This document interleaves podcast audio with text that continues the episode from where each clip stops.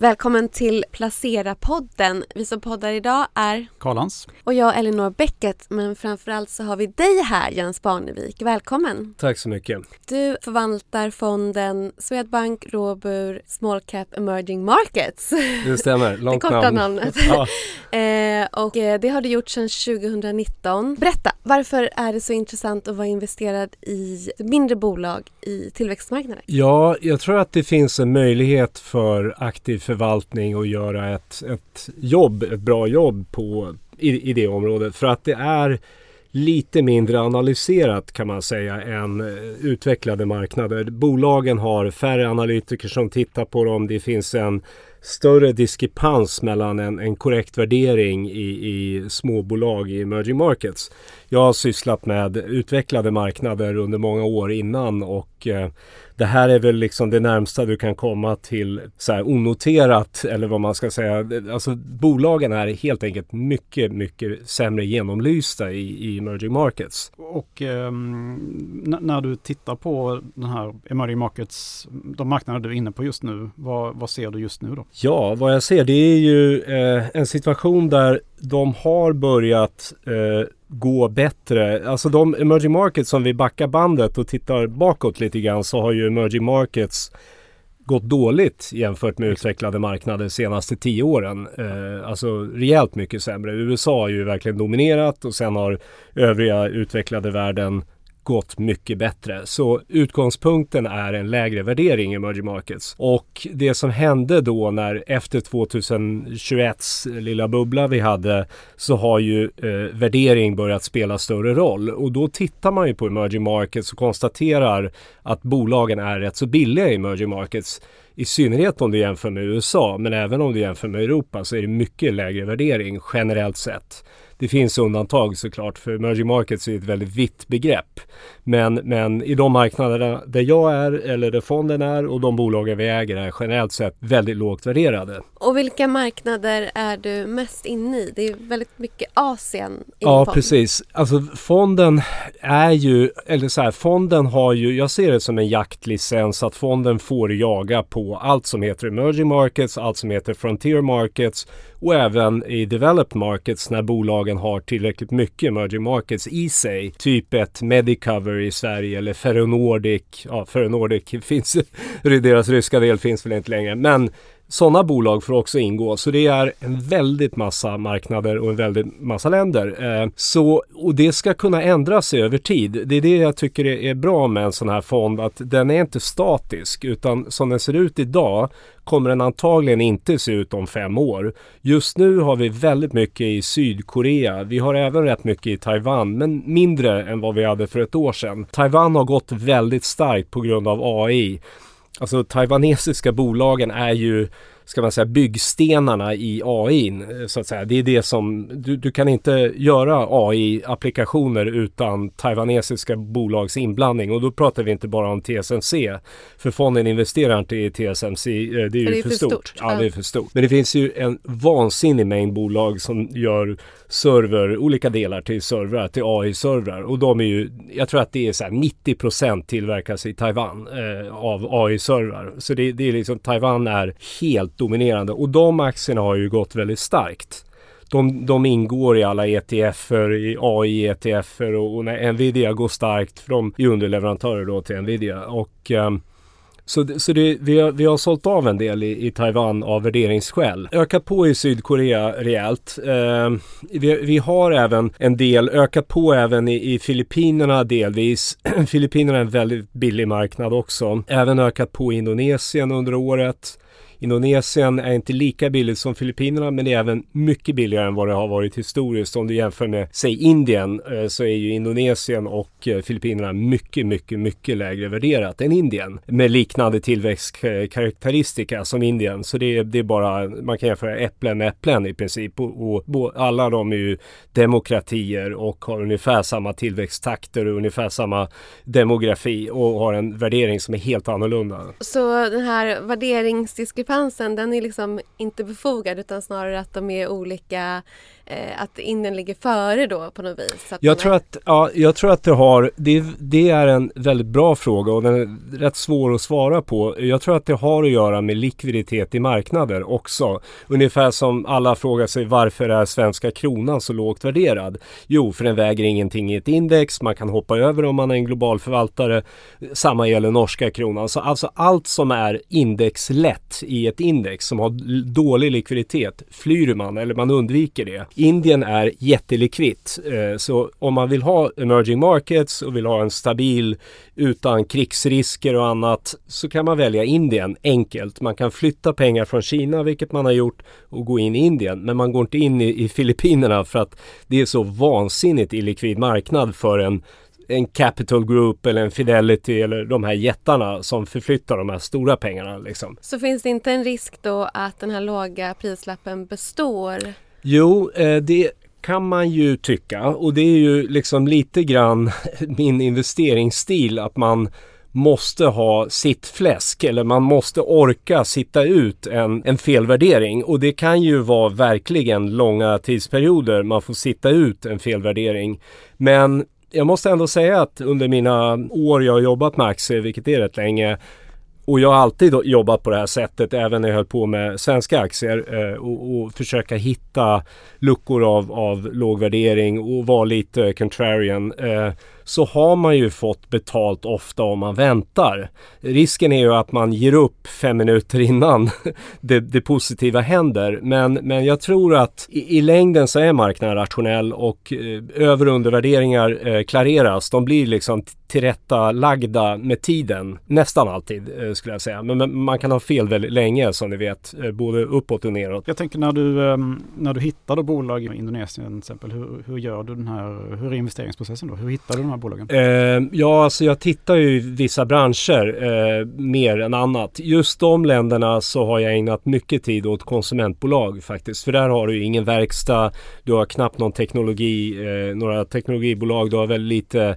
R&D tunga bolag utan det är möjligtvis någon kontraktstillverkare du kan hitta där. Eh, så det är konsumentbolag framför allt och, och några investmentbolag också faktiskt. Eh, och då bara jobbar man sig igenom listorna helt enkelt. Och, och konsument föredrar jag Staples före Discretionary. För Staples är mindre cykliskt och alltså dagligvarubolag. Eh, typ ICA, Axfood, den typen av bolag. Så vi har två stycken eh, dagligvaruhandlare i Filippinerna två rätt så stora dagligvaruhandlare och de handlas ju nu på, eh, ja det är ju så här P8, price book under ett, eh, ev ebitda 3-4 gånger. Eh, om man jämför med Axfoods värdering då som kanske är ebitda 20 gånger. Jag kan inte det exakt men den är ju ja, många gånger högre och det här är ju bolag som växer då betydligt, betydligt snabbare än en Axfood eller en ICA. Mm. Så, så, det finns, det doesn't make any sense. Liksom, det finns ingen logik mer än att Filippinerna är, är impopulärt just nu och man orkar inte titta på det. Men eh, annars en bransch som du är ganska tungt investerad i just teknik då ja. och även hälsovård. Just det. Och hälsovård och teknik eh, är ju eh, hyggligt heterogena namn så att säga. Så hälsovårdsbolagen i fonden är ju till allra, allra största del fysiska produkter, inte läkemedel. Utan det är antingen maskiner eller så är det engångsartiklar, alltså eh, konsumtionsrelaterade produkter till akutsjukvård och annat. Eh, och, och, vi har väl haft ett tema med dentalbolag. Korea är ju världsmästare på tand tandläkeri och har ju en extremt eh, avancerad eh, kultur av tandläkartjänster där. Och, och, därför har de väldigt bra bol bolag inom diagnostik och, och allt möjligt inom eh, tandläkeriet helt enkelt. Eh, proteser och annat. Så, så det är där healthcare och inom tech så är det ju rätt blandat. Vi har letat en del efter halvledarutrustningsbolag, alltså bolag som levererar kapitalvaror till ett TSMC eller till ett Samsung. Eh, så där har vi ju, för där sker det ju en, en eh, vad ska man säga, en kapprustning globalt eh, inom halvledare. Eh, Europa ska bygga upp, USA vet ni ska bygga upp. Det har ju rätt mycket subvention, subventioner både i Europa och USA att bygga upp. Kina försöker ju bygga upp sin egen industri. Korea fortsätter att investera, Taiwan fortsätter att investera. Så du har ju, tidigare var det ju i princip Intel i USA, TSMC i, Korea, eller i Taiwan och Samsung i Korea grovt sett. Men nu har det ju liksom investeringarna är ju globala nu inom halvledare så den är ju liksom den adresserbara marknaden för en kapitalvaruleverantör. Ungefär som Atlas Copco är har ju vuxit enormt. Liksom. Och det är ju inte av naturliga skäl utan det är ju geopolitiska skäl rätt mycket. Det är ju inte bara AI och efterfrågan, normal efterfrågan. Det här handlar ju om handelskrigsrelaterad eh, eh, capex som, som kan bestå rätt länge om du måste bygga upp en hel industri från scratch. Du har ingenting idag. Så det, det, tror jag starkt på under många år och eh, där råkar faktiskt många japaner vara starka också. Så vi har eh, två stycken bolag som är japanska listade i Tokyo men har då mer än 50% av sin försäljning i emerging markets som är kriteriet för att kunna finnas i fonden. Och, så Japan har en väldigt stark position inom eh, capex. Sen har du ju USA också, ni vet Lam Research och eh, eh vad heter de, eh, Applied Materials i USA, KLA, det finns ju en massa bolag i USA USA också som gör eh, capex relaterat till eh, halvledarindustrin. Men du säger eh, Taiwan, Sydkorea, då tänker man ju på just geopolitiska risker. Hur hanterar du dem? Ja, det är ju rätt så svårt att hantera geopolitiska risker av sin natur. Eh, har vi ju verkligen smärtsamt fått uppleva i Ukraina att, att det var rätt svårt att liksom tvärsäkert veta vad som kommer hända. Eh, så det vi gör är att vi försöker ju ha en bedömning eh, och inte, fonden får inte ha för mycket i ett land där det, det, det, liksom, det finns en stor geopolitisk risk. Samtidigt sagt så vi tror inte på några konflikter där. För att eh, även om det ser inte så bra ut alltid i, i nyhetsmedia kring Taiwan och, och Kina så, så är Kina rationell eh, i, i de flesta fallen eh, och, och inser ju att det, det, skulle slå tillbaks väldigt mycket på Kina om de med våld skulle ta tillbaks Taiwan. Eh, Taiwan är, har ju varit nu eh, levt fritt från Kina i 50 år eh, eller mer än 50, ja mycket mer än 50 år. Mm. Slog. Det var ju 50-talet, 70 år och de har banden, de ekonomiska banden väldigt starka också mellan Taiwan och Kina och det glömmer man ofta bort men många av de här taiwanesiska bolagen som Foxconn till exempel exempel som är ett bra exempel. De har ju en miljon anställda i Kina. Så det är ju liksom banden är ju väldigt starka ekonomiskt men inte politiskt. Så, så Kina har ju rätt mycket att förlora eh, på att liksom skapa en konflikt där. Vi, vi, ser inte det hända men man kan aldrig vara säker. Eh, så är det ju. Men som sagt underviktad Indien, eh, det är av den anledningen att det helt enkelt är för höga värderingar? Där. Ja precis, värderingar är ju huvudskälet eh, till, till Indien undervikten.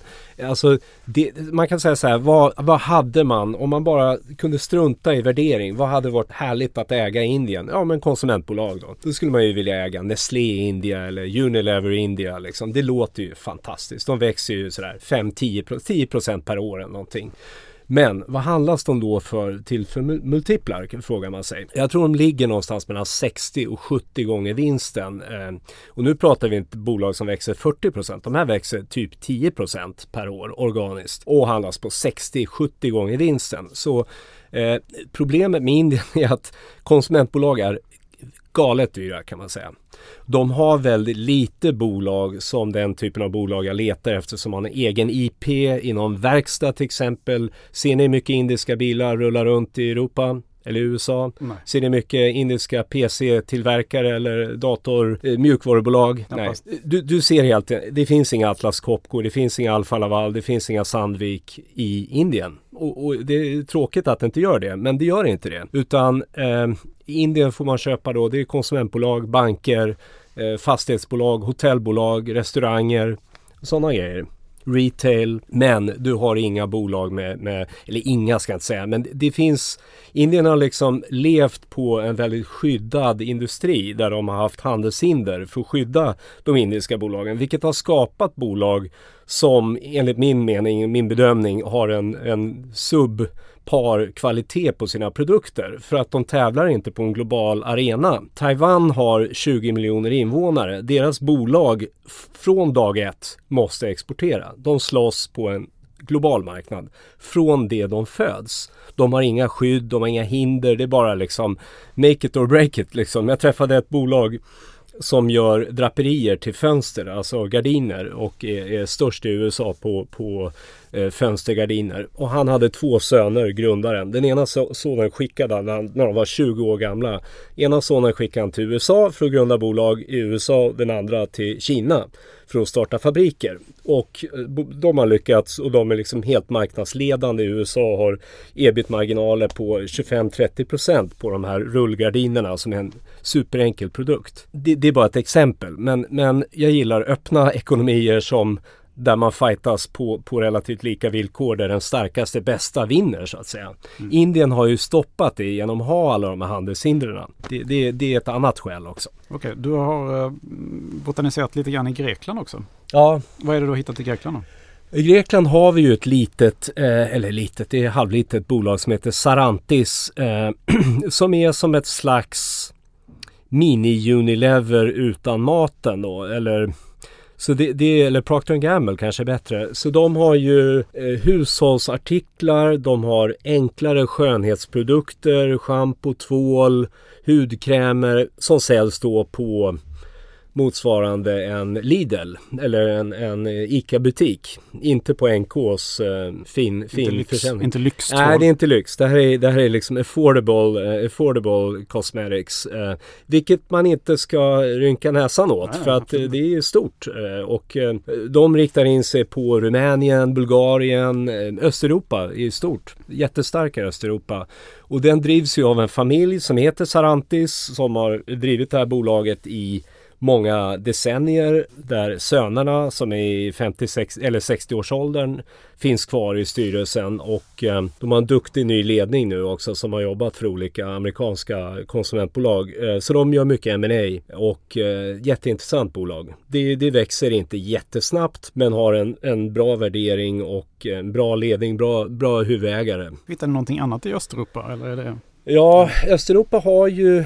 Uh, ja, Slovenien gillar vi. Uh, det är ett superlitet land. Det finns bara ett par aktier där som är intressanta. Men vi har det här bolaget, läkemedelsbolaget som heter Kirka som gör uh, alltså obrand eller alltså patent läkemedel som har gått ut, eh, patentutgångna läkemedel, generika. Så det är ett generikabolag. Eh, och har all produktion i, i, de har produktion i lite olika länder i Europa men de gynnas ju av den här trenden att man vill lägga mer europeisk tillverkad läkemedel och de har även egen produktion av API-erna, de här eh, råvarorna till läkemedel och det var liksom Kirka var ett av de få bolagen har jag hört som kunde leverera rakt igenom hela pandemin och hade inga störningar i sin leveranskedja på grund av att de är bakåt integrerade. Och, och också då Anect anecdotally eller vad de säger bolaget också är ju att den här prispressen på generika som har varit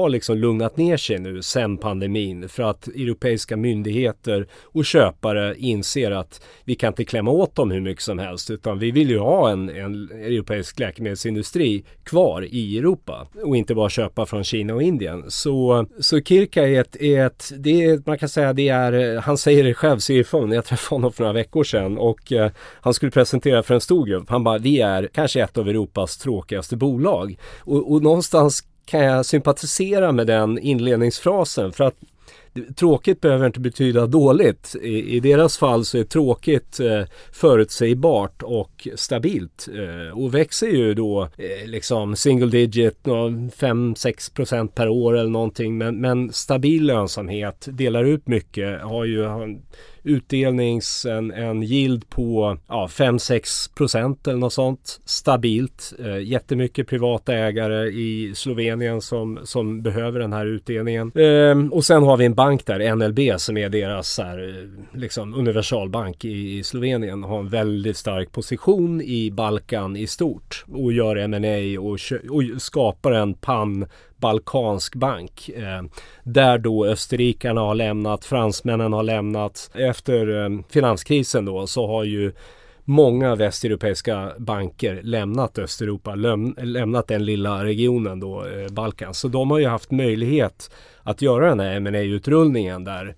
Och det är ju rätt så här, man blir förvånad över hur låg banktjänst, alltså fondförsäljning och annat. Det är jättelåga tal i Serbien, i Kroatien, i Slovenien, även Slovenien som är ett modernt land så befinner de sig långt efter oss i väst vad gäller eh, finansprodukter. Så det är två intressanta aktier i Östeuropa. Polen har en del fina bolag också. Eh, där finns ju en del teknologibolag faktiskt i, i Polen. Men det finns annat. De är duktiga ingenjörer i, i Polen. Så det finns ju, ja, det finns ju mjukvarubolag i Polen. Spelsektorn är rätt stor i Polen. Och, eh, så Polen är en marknad man ska hålla koll på. Just som svensk är det ju rätt kul också. Det är ju, ligger ju supernära oss. Mm, och, och, det finns rätt starka kulturella band och de känner till Sverige liksom och sådär. Eh, och det är en bra börs också, Warszawabörsen. Ja, sen ska man, jag, jag personligen upplever lite, lite grann då att Östeuropa har blivit lite dopat nu senaste året efter mm. Rysslandsfondernas uttåg eller liksom nedläggning eller frysning av, av Ryssland har det ju skett en hel del flöden från globala förvaltare in i Östeuropa. Och det är ju inte för evigt va? utan det är, jag tror att de har fått en boost av det faktum att eh, det är liksom det som är kvar att investera i. Om du hade en Östeuropafond så är ju pengarna nu mm. borta i Ryssland medan eh, du kan, du kan fokusera mer på Östeuropa. Jag tänker som fondsparare så kanske man tänker tillväxtmarknader och mycket råvaror, energi och så. Men där är du väldigt underviktad, eller hur? Ja, det är jag. Ehm, och det, det är väl någonting jag har burit med mig i hela min, eh, mitt liv som investerare. Att jag tycker inte om att investera i bolag som är beroende av en, en faktor. Eh, säg ett pris på råvara. För att det vet vi alla att det, det kan man ju inte sia om. Liksom. Även om man kan vara frestad ibland när man läser om rare earth-bolag eller litiumbolag eller kopparbolag. Vi behöver mycket koppar framöver, vi behöver mycket litium. Så är det ändå jäkligt svårt att bedöma eh, och det är väldigt kapitaltung verksamhet. Det är väldigt lite kassaflöden till aktieägarna normalt sett i, i gruvindustrin. Så eh, ja, jag försöker undvika sånt som är beroende av en, av en valuta eller en, en, en eh, metall eller olja. Eller, ja, vi investerar ju inte i olja men, men saker vi, vi inte kan bedöma investerar vi inte i. Och nu har vi haft en dollarförsvagning här. Det påverkar ju de här tillväxtmarknaderna. Hur tänker du kring det? Det är ju väldigt positivt med en dollarförsvagning för de flesta eh, tillväxtmarknader marknader. Ehm, så det, är ju hur man än vänder och vrider så är det väldigt positivt. Eh, och, och synnerhet då sådana här kanske svagare länder då som det vi pratade om tidigare. Filippinerna gynnas ju av, av en svagare, för de är ju nettoimportörer av, av många varor. Inte bara olja utan även andra grejer. Så så det är en svag, en svag dollar är bra, absolut. De har mycket skulder i dollar också fortfarande. Både länderna men även en del bolag har skuld i dollar. Men jag tror Indien är ju vinnare av en svag dollar. Turkiet är väl det. Eh, Filippinerna. Det är massa länder som är det. Men egentligen de som inte är råvaruländer. Råvaruländerna säljer ju som Brasilien, Sydafrika, eh, Gulfenländerna. De säljer ju mycket i dollar. Men det är ändå ganska lite exponering till exempel Latin och Sydamerika. Hur kommer ja. det sig? Ja, det är också lite så att eh, jag har haft lite svårt att hitta kvalitetsbolag där. Det finns såklart bra bolag där. Men i och med att vi inte investerar i, i, i råvarubolag, vi investerar inte så mycket i banker, vi investerar inte så mycket i, eh, i fastighetsbolag. Eh, mycket av eh, retail i eh, emerging markets kommer ju gå åt det hållet retail har gått i väst. Så jag upplever ju eh, att köpa en liksom klädkedja i Brasilien eller i, i något emerging markets. Det går bra just nu men e-handeln kommer ju döda dem. Mercado Libre är ju jättestarka i Sydamerika. Så det är liksom det vi ser har hänt i, i, i vår del av världen kommer även hända där. Så, så därför undviker jag rätt mycket eh, och det är rätt mycket av market cap i de här länderna som, är, som, som jag inte är intresserad av. Jag gillar eh, bolag med egen IP, eh, bra verkstadsbolag, bra servicebolag, bra mjukvarubolag och de växer inte på träd i, i Brasilien till exempel. Det finns ett ERP-bolag som heter Totus som är, är intressanta. Eh, men de handlas ju på en rätt stor premie för att det finns typ bara ett ERP-bolag du kan investera i, i i Brasilien. Det blir liksom scarcity value på de aktierna som inte är eh, järnmalm eller olja eller bank liksom. Så det är ett problem i vissa av de här länderna att det finns rätt lite kvalitativa bolag att investera i nu verkligen generaliserar jag ju rätt grovt och det finns säkert folk som kan Brasilien jättebra som tar illa upp nu. Men, men jag har haft svårt att hitta. Jag, jag har en bolag som gör dentalförsäkringar i Brasilien. Eh, Odontoprev heter de och eh, det är intressant eh, tycker jag. För det, det drivs ju av eh, en ökad behov att det finns även intressanta hälsovårdsbolag i Brasilien. Det tittar jag en hel del på. Alltså sjukhus, eh, hälsovårdsförsäkringar, intressant. Utbildningsbolag är intressant i Brasilien. Det finns sektorer som är intressanta där eh, faktiskt. Jag tänker om du, om du ser på 2024 nu då.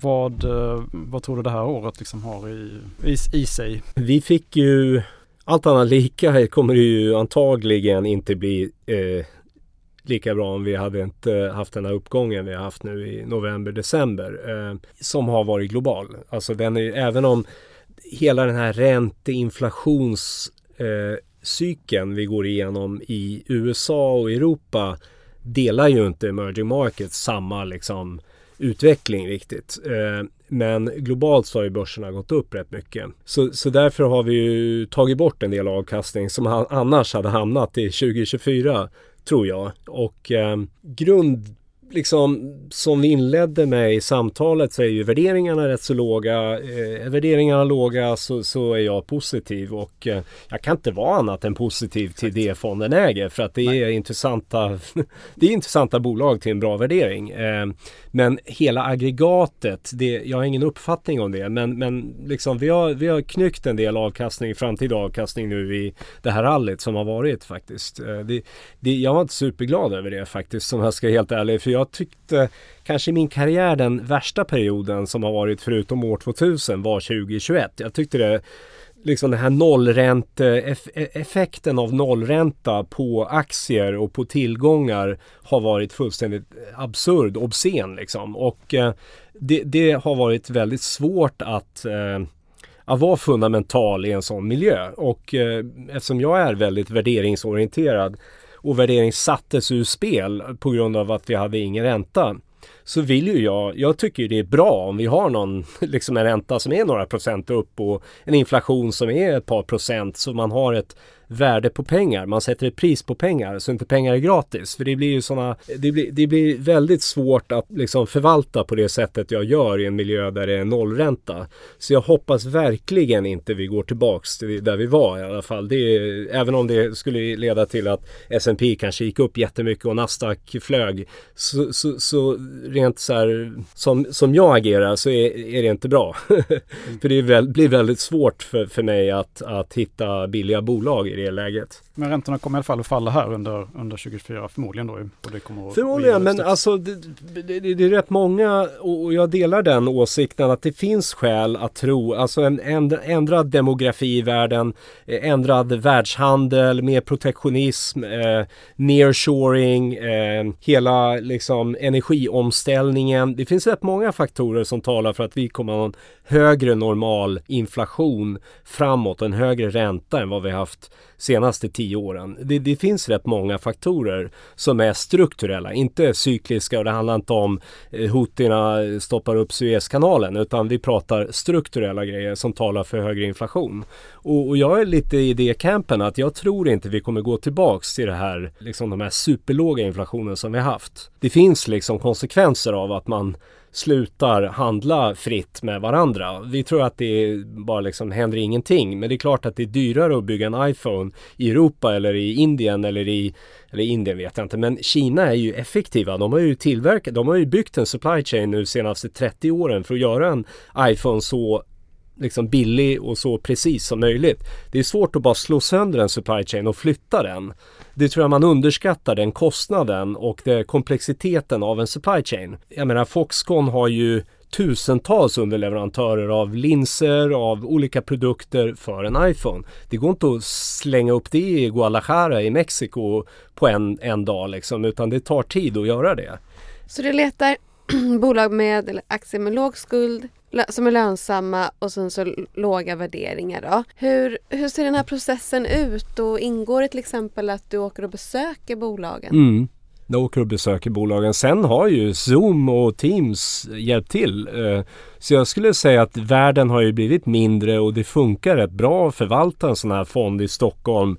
Eh, tidigare kanske för 10-20 år sedan då kanske man hade en nackdel att inte sitta i London eller New York. Men nu har man liksom, jag träffar bolagen, det är knöligt språkmässigt, man får ha tolk. Eh, missförstånd, eh, lost in translation grejer sker hela tiden men jag tycker det är väldigt viktigt att förstå det man äger och förstå bolagen, verkligen fatta vad de gör. Eh, så jag är väldigt fundamental i min analysprocess och ägnar mycket tid åt varje enskilt bolag ändå. Att fatta dem. Eh, så därför är det viktigt att prata med bolagen. Och de här bolagen har ju sällan analytiker. Alltså det ska vi komma ihåg också. Det är inte så här att 20 analytiker täcker de här bolagen. Alltså utländska mäklarfirmor täcker de inte alls. Möjligtvis någon lokal ABG, Carnegie liknande firma kanske finns i Indonesien eller Filippinerna. Men i, i stor, st, stort sett så är de här saknar liksom analystäckning. Så du får ju göra hela jobbet 100% själv. Vilket jag gillar eh, och lite kul med det här jobbet att, att man får laga maten själv eh, som man käkar sen. Liksom. För inte så länge sedan så satt ju din kollega Kristoffer Bert precis i den stolen eh, som ju förvaltar bland annat er globalfond. Han gör ju väldigt mycket affärer hela tiden. Men jag hörde i en annan podd att det kan gå flera veckor utan att du gör någonting. Mm.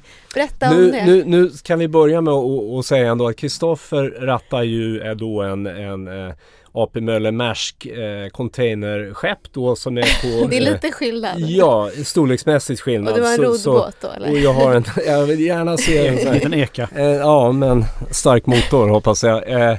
Nej men så skillnaden är ju att det går ju eh, snabbare för, för den här fonden att göra förändringar när man vill göra förändringar och de blir mindre inkrementella förändringar kanske än, än än globalfonden. Men har du problem med likviditet då? Ja, alltså fonden har problem med likviditet i de här minsta bolagen, i synnerhet då i de minsta marknaderna.